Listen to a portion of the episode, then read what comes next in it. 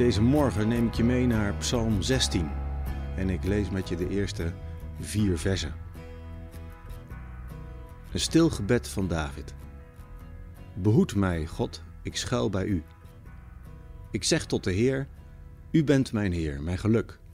Niemand gaat u te boven. Maar tot de goden in dit land, de machten die ik vereerd heb, zeg ik: Wie u volgt, wacht veel verdriet.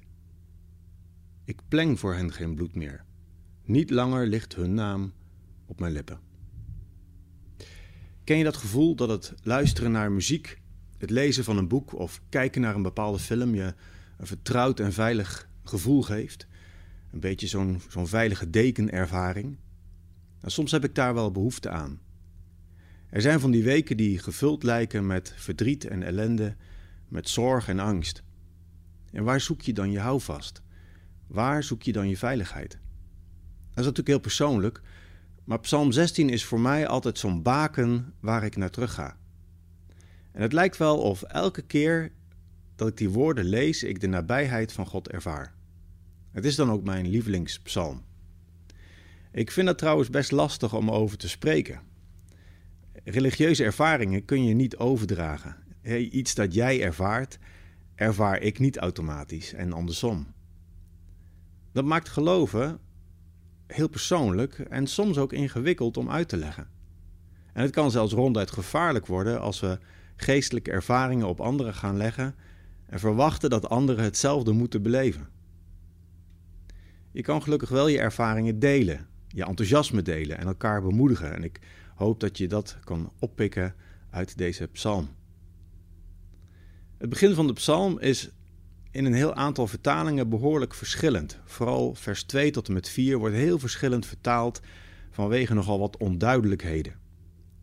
Nu vanmorgen pas ik me maar even aan aan de NBV.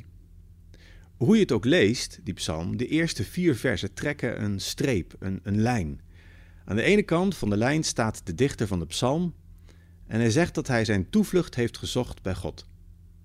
Ik ben over de streep getrokken, zegt de dichter. Ik zoek mijn bescherming bij u.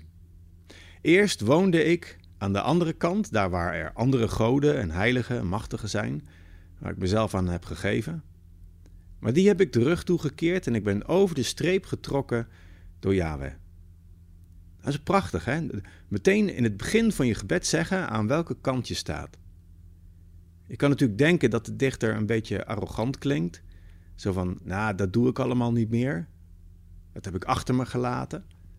Nou, ik, lees het, ik lees het veel meer als een soort bekeringservaring die in zijn dagelijks gebed terugkomt.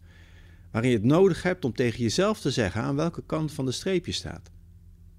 En ik weet niet of je dat kent, die, die innerlijke noodzaak om regelmatig tegen jezelf en tegen God te zeggen waar je staat.